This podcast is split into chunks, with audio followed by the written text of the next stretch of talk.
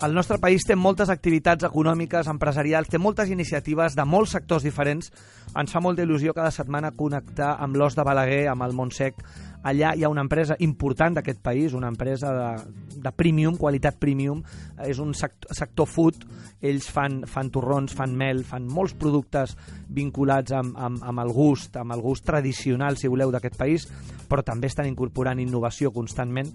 La marca és Torrons i Mel Alemany, eh, una família, una empresa familiar del, de finals del segle XIX, eh, unes 500 tones de mel, 50 tones de torró, especialment 80% vendes centrades a Catalunya, però cada dia estan més oberts, eh, estan a uns 15 països eh, i estan obrint, obrint territori internacional i obrint referències internacionals. Parlem amb el gerent, amb el Ferran Alemany. Ferran, molt bon vespre. Bon vespre a tota l'audiència. Escolta'm, un plaer tenir-te al programa i un plaer que ens expliquis i que ens facis estimar el territori, estimar-lo. No només conèixer-lo, sinó estimar-lo. Cada setmana ens vas parlant de diferents floracions. El paisatge té floracions diferents, d'arbres diferents, i cada floració és una mel diferent. Avui ens concentrem, si et sembla, en la mel del castanyer, que és la protagonista d'aquests dies. Eh? Doncs sí, eh, hem considerat la mel de castanyer com la protagonista del, del mes de juny, amb la línia que fem que cada mes intentem col·locar una, una flor protagonista, mm -hmm. doncs eh, el castanyer, que de fet comença la floració entre l'abril, eh, perdó, eh, cap al maig i, i està en plena, en, en plena floració doncs, durant aquestes dates del, del, del juny, no? De juny.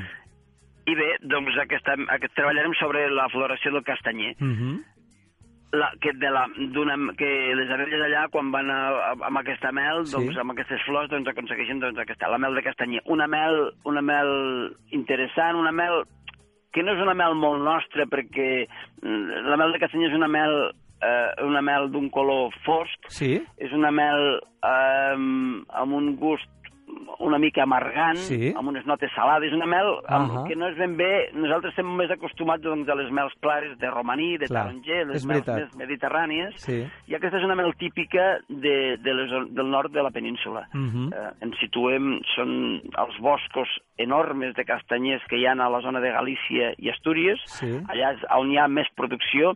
Val a dir també que a Catalunya eh, hi ha un indret que és el Montseny, Sí. Eh, a tot aquell indret doncs, també hi ha boscos de castanyers i tradicionalment allà també es, es produeix aquesta mel, però és una mel que allà a nivell local doncs, és coneguda, però a altres indrets més eh, nostres, no sé, si ens posem a la nostra zona del Montsec Ahà. o si ens posem més a la zona de Barcelona, eh, la població doncs, són més de les mels clares. Clar. Però bé, entenem que aquesta és una mel eh, diferent, amb, aquesta, amb aquest color més fosc i amb aquest mm, sabor més, més intens, Sí.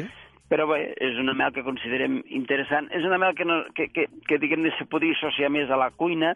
Jo entenc que inclús estem buscant no? i parlant amb cuiners que ens ajudin a, a, a treballar aquesta mel als seus plats i confio que, que a poc a poc serà una de les mels és a dir, quan la mel entri a la cuina, no? Mhm. Del, de, de que la gent ens facin... Sempre hi ha estat, eh? però a nivell mediàtic no se n'ha parlat mai massa. És veritat, I nosaltres veritat. tenim una, la idea de- de- de- d'apretar doncs, amb aquest món que vagi mm, parlant de les mels. I entenem de que una de les primeres que podríem incorporar doncs, seria doncs, aquesta mel de castanyer, no? Clar. Per tant, dius que no és, no és molt típica nostra, però, però l'apreciem i, i, ens, i ens agrada també, no? Bé, avui dia que tothom volem provar no només el que tenim a les nostres, al nostre abast, sinó que volem Clar. estar, doncs, provar, doncs nosaltres oferim aquesta mel. Aquesta mel, ja et dic, en boscos ens hem de situar quan, eh, amb aquesta mel, els boscos d'aquestes zones, boscos eh, de sols profuns, boscos Sí. frescos, boscos humits, i amb aquest mes de juny, doncs allà imaginem-nos que aquests arbres, arbres centenaris, no? els arbres dels castanyers són arbres Clar, enormes, és veritat, no? és veritat, sí, sí. A sí. vegades aquí hem parlat de floracions com el romaní o la farigola, que són petites eh, Clar. plantes aromàtiques Clar. De, de poc més d'un pam.